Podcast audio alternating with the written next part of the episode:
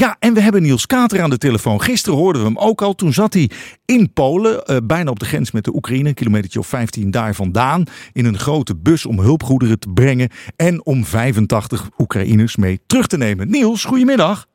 Goedemiddag, André. Jullie zijn weer terug, hè? Ja, dat klopt. Eigenlijk, uh, nou net zo'n beetje. We zijn nog een beetje aan het uitladen. Uh, straks die spulletjes weer met de omroep. En ja, de, Oekraïners zijn net aangekomen. Want daar ging het natuurlijk om, die bus met Oekraïners.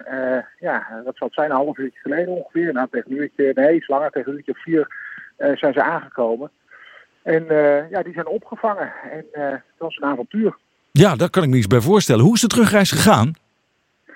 Nou ja, vooral lang en, en vermoeiend. We hadden natuurlijk al uh, drie dagen erop zitten met niet al te veel slaap. Uh, ik denk dat ik de eerste dag anderhalf uur geslapen heb. Dat geldt ook voor de andere jongens hoor. Cameraman Berry en uh, verslaggever Karel de Jong.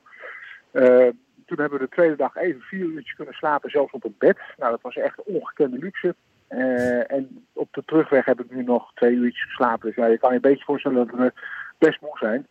En uh, drie kilo, het, uh, 3500 kilometer in drie dagen afgelegd. Maar het was wel ja, een journalistiek avontuur. En het, het, ja, dat, dat klinkt misschien heel uh, enthousiast, zeg maar. Uh, maar het is ook wel verbijsterend wat je aantreft. Het is, het is echt wel, wel ja, schrijnend om te zien. Kun je daar iets meer over vertellen wat je daar aantrof? Ja, zeker. Ik had, ik had natuurlijk die, die, beelden van tevoren wel gezien. En het geeft me ontzettend aan. Ik denk net als heel veel mensen dat je die, die vluchtelingen de grens over ziet gaan. Dus met, met kleine kindjes. Denk, man, man, man. En ik, je hebt er zo'n bepaald beeld bij van desolaat enzovoort. En we komen daar aan. En eigenlijk is Polen een, een heel modern land. En alles is heel erg goed voor elkaar. Ja. Uh, alleen ja, een paar kilometer verderop moet de oorlog. Ik zeg een paar kilometer verderop. Maar we gisteravond laat zelfs nog op de, op de grens gestaan. Echt letterlijk op de grens.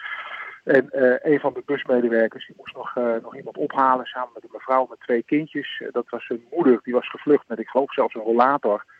Maar die moest nog uit Oekraïne komen. Dus de bus heeft daar een, heel lang op gewacht. Maar uiteindelijk is die, is die mevrouw ook meegegaan. En ja, hebben ze die ook weten te redden. Hoeveel mensen hebben jullie uiteindelijk meegenomen? ja, de, de, aantallen verschillen nog wel eens. De, gemiddeld genomen hoor ik het meest het getal 70. Maar ik hoorde net ook iemand zeggen, ja, het zijn er maar 55. Maar ja, er zijn natuurlijk in Duitsland ook een aantal uitgestapt. Uh, dus uh, ja, dat, dat... Hoeveel, Karel, Karel nog toe? 61. 61 zijn er hier uit, in, uit de bus gestapt in, in Beest. En die zijn dus naar gastgezinnen gegaan en zijn op, op, opgevangen. Ja, want dat is het vervolg, hè? dat ze opgevangen worden in die gastgezinnen. Voor, voor hoe lang is dat, Niels? Ja, dat weet niemand. Hè. Dus dat, dat, uh, die hele reis, ik kan, ik kan een paar conclusies trekken. De, de, heel veel Oekraïners uh, spreken slecht Engels. Er zijn een paar die, die uitstekend Engels spreken, op, begrijp me niet verkeerd. Maar veel spreken slecht Engels. Kennis van Nederland hebben ze niet. Want op een gegeven moment vroeg iemand, vroeg iemand van ja, ga je dan ook via Italië? En uh, wat me ook opvalt is dat ze vooral geen kleren willen hebben, geen spullen willen hebben. Die liggen allemaal daar op een hele grote hoop. Er gebeurt eigenlijk niets mee. Ja. Dus mensen die zitten te luisteren, die denken van goh, ik wil spullen naar uh, Oekraïne sturen of althans naar, naar de vluchtelingen. Dat zou ik echt ten strengste afraden, zou ik niet doen.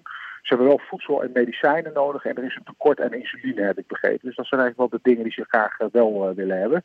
En, en ja, chaos is het daar. Dus de, de, vraag is ook of ze echt naar Nederland willen. Hè? Want, want ja, mensen die hebben nog steeds de hoop dat het snel is afgelopen. Maar of dat zo is, dat weet ik niet. Ik hoorde laatst dat Zelensky, dat is het laatste nieuws, die heeft nu gezegd van ja, het is een gegeven uh, dat wij niet bij de NAVO kunnen komen. Dus moeten we toch maar op zoek naar een partner waarmee dat wel kan. En ja, zou dat toch een, een hint zijn naar een vredesbespreking met Rusland. Maar ja, dat is misschien hoop. Niels Kater weer veilig terug in onze provincie. Dankjewel Niels.